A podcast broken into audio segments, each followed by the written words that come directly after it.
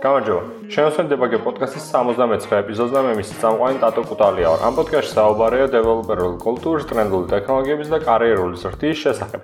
წინა ეპიზოდში ხშირად იყო ნახსენები დოკუმენტაცია, კოდ რევიუს ეპიზოდი თუ არ გინახავთ, მოусმინოთ, გონია რომ სასარგებლო იქნება. და ნუ აი საუბრის განხილვა ზოგადად რატო კოდრევიუში რა ხდება, რატო არის საჭირო ეს დადოკუმენტირება, აი დოკუმენტაცია იყო რამოდენიმე ადგილას ნახსენები და მოდი დღეს ვისაუბროთ დოკუმენტაციის ღირებულებაზე, რა ფასი აქვს, რა მხრივ გვეხმარება პროექტში და განვიხილოთ ეს რამოდენიმე მიმართულება და რა გვჭირდება უბრალოდ რომ დოკუმენტაციის წერა დავიწყოთ. ეს ეპიზოდი გამოადგება იმ ხალხს, ვინც გუნდს ეხლა კრავენ, ეხლა ფორმირდებიან გუნდად და ძალიან კარგი საომალო ინვესტიცია იქნება დოკუმენტაცია მათთვის, მათი პროექტისთვის და გუნდისთვის ზოგადად.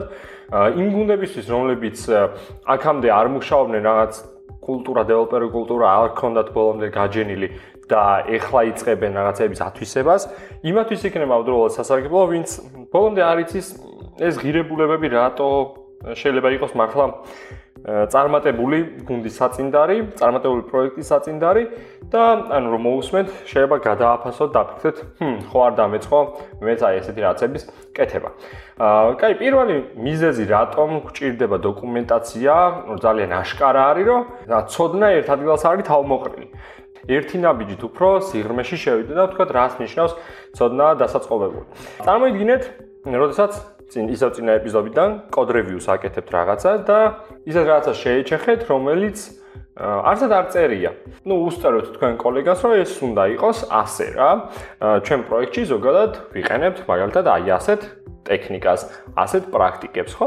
აი ეს მომენტი ზუსტად აი ეს მომენტი დაიჭირეთ და მაშინვე წაიღეთ, სადღაც დაადოკუმენტირეთ, ნაცვლად იმისა, რომ აი ეს ზეპირად იყოს გაცვლილი ინფორმაცია, იმიტომ რომ მომავალში სხვა კოლეგასთან იგივეს დაწერა რო არ მოგიხდეს კომენტარს ან კომენტარის გაკეთება რომ მოგიხდეს რომ იცი რა ჩვენთან ესე ვაკეთებ ან ვიღაცა ადამიანის ასე ვთქვათ ხალხურ მეთოდებით ცოდნის გადაცემაზე კი არ ვიქნებით დამოკიდებული, ვიქნებით იმაზე, როგორ შეგვიძლია უკვე ეს დასაწყობებული ცოდნა, რაც არის, ის წავიკითხოთ, გავიაზროთ და ავითვისოთ პრაქტიკაში რა. აი ეს არის ძირითადი მუღამი ამ დოკუმენტაციის და არსაოს ახლა მე სხვა სხვა ტიპი ამ დოკუმენტაციის არის ძალიან ძლიერ ტექნიკური დოკუმენტაცია კონკრეტული პროექტის ტექნიკურ დეტალებში აღწერა, არის უკვე ბიზნეს დოკუმენტი, რომელიც აღწერს ზოგადად როგორ მუშაობს ეს ფიჩერი აპლიკაციაში და როგორ შეიძლება აი მთლიანი გზის გავლა იმ flows-ი აპლიკაციაში და ეს ორი დოკუმენტი იდეაში ერთმანეთს ავსებს. ერთი არის უფრო ბიზნეს ხარისთვის, მეორე არის უფრო დეველოპერების ხარისთვის. ხო და მოდი ისევ ამ დეველოპერებში ბრუნდები და პირველი მაგალითი გავაგზავნოთ რა. როდესაც თუნდაც კოდის სტილები არ მოგწონთ და ნუ ერთ-ერთ დეველოპერმა დაწერა რაღაცა კოდი, რომელიც მუშაობს, მაგრამ იმ სტილით არ არის, როგორც მოგწონს.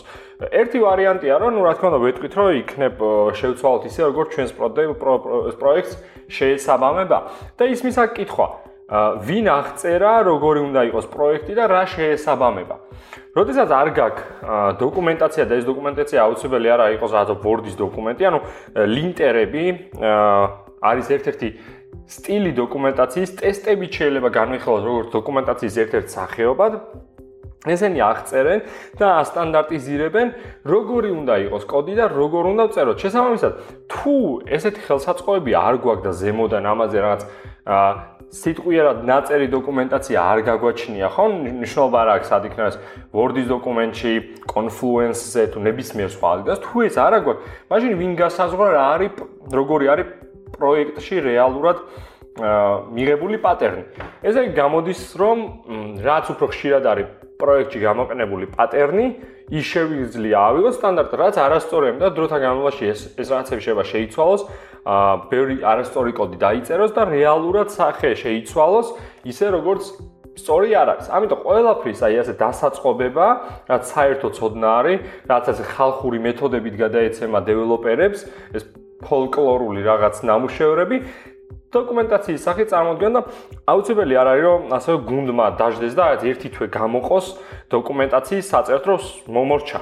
მომავალი ერთი თვე, მომავალი ან მომავალი ერთი კვირა ჩვენ წერ დოკუმენტაციას. არა და რეალურად იწება ძალიან პატარა წინადადებებით, ძალიან პატარა რაც ჩანიშნებით, ისე როგორც რაღაცას თუ ნახავთ, როდესაც ახსნას იწყებთ, რომ ეს ხდება ამის გამო, რომ ან კიდევ ეს ხდება აი ასე, რომ ეს სტილი დავიცვათ, ან ჩვენს პროექტში ზოგადად ეს ხდება ასე, აი ეს ზეპირი გააზრებები ყველაფერი წავიღოთ რაღაცა ტიპის დოკუმენტაცია, შედგენს ეს არის დიდი დაგროვილი ცოდნა. მოდი აი აქედან გადავიდეთ ახლა მეორე ფაქტორზე, რატომ არის დოკუმენტაცია კარგი? ეს არის ზოგავს დროს ახალი ადამიანის პროექტში ინტეგრაციისთვის. გუნჩი ინტეგრაციისთვის. როდესაც მოდის ახალი ადამიანი, რომელსაც ამ პროექტის შესახებ არაფერი არ იცის, ანუ შეიძლება ისეთი პროდუქტი იყოს, რომელიც საჯარო არ არის და საერთოდაც არ იცის ეს პროდუქტი ავტორიზაცია საიდან ხდება, როგორ ვიზუალზე და ეს არაფერი არ იცის, რთული ამ ადამიანს ჯერ არ პროდუქტი უნდა ასწავლო, მერე უნდა ასწავლო რა ხდება ტექნიკურად და გუნდები როგორ მუშაობენ და ამაში იხარჯება ძალიან დიდი დრო. შეიძლება თვეები დაიხარჯოს, რომ ხარისხიანად ეს ადამიანი ამ გუნდში ჩაინტეგრირდეს. ამის საპირისპიროდ საპირწონედ გვაქვს დოკუმენტაცია, რომელიც ანუ რამოდენიმე გვერდიანი რამდენიც გამოვა, მისცე ადამიანს და წაკითხვის დროს რა კითხვებით წარმოეშვება, შემდგომ უშუალოდ ამის დაფარვაზე იმუშაო და რაღაცა მზაცოდნა ეს სტანდარტები რაც არის, დავახვედროთ ადამიანს წინასწარ. და ამას ზემოდან ახლა რომ დავამატოთ ისეთი პროექტი, სადაც არის ტესტები, ისეთი პროექტი, სადაც არის ლინტერის წესები უკვე ყველაფერი გაწერილი, ძალიან მარტივი ხდება ამ პროექტის აღქმა და რისი გაკეთება შეიძლება ამ პროექტში, რისი გაკეთება არა, რაღაცა როგორ კეთდება და რა არ არის მიღებული.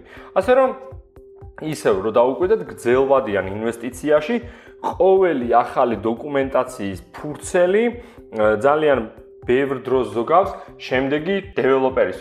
და ეს დეველოპერი, როდესაც მოვა თვითონაც რაღაცას თუ შემატებს ამ დოკუმენტაციას, გამოდის რომ იმის შემდეგი დეველოპერისთვის კიდევ უფრო კარგი ცოდნა არის გამზადებული. ასე რომ უკვე ორი მიზეზი გვაქვს, რატო შეიძლება ვწეროთ დოკუმენტაცია და რატომ შეიძლება ამაში ჩავდოთ დამატებითი დრო. ეხლა შეიძლება უცებ თქვათ რომელიმე მე მარტო მუშაობ პროექტს და არ მჭირდება.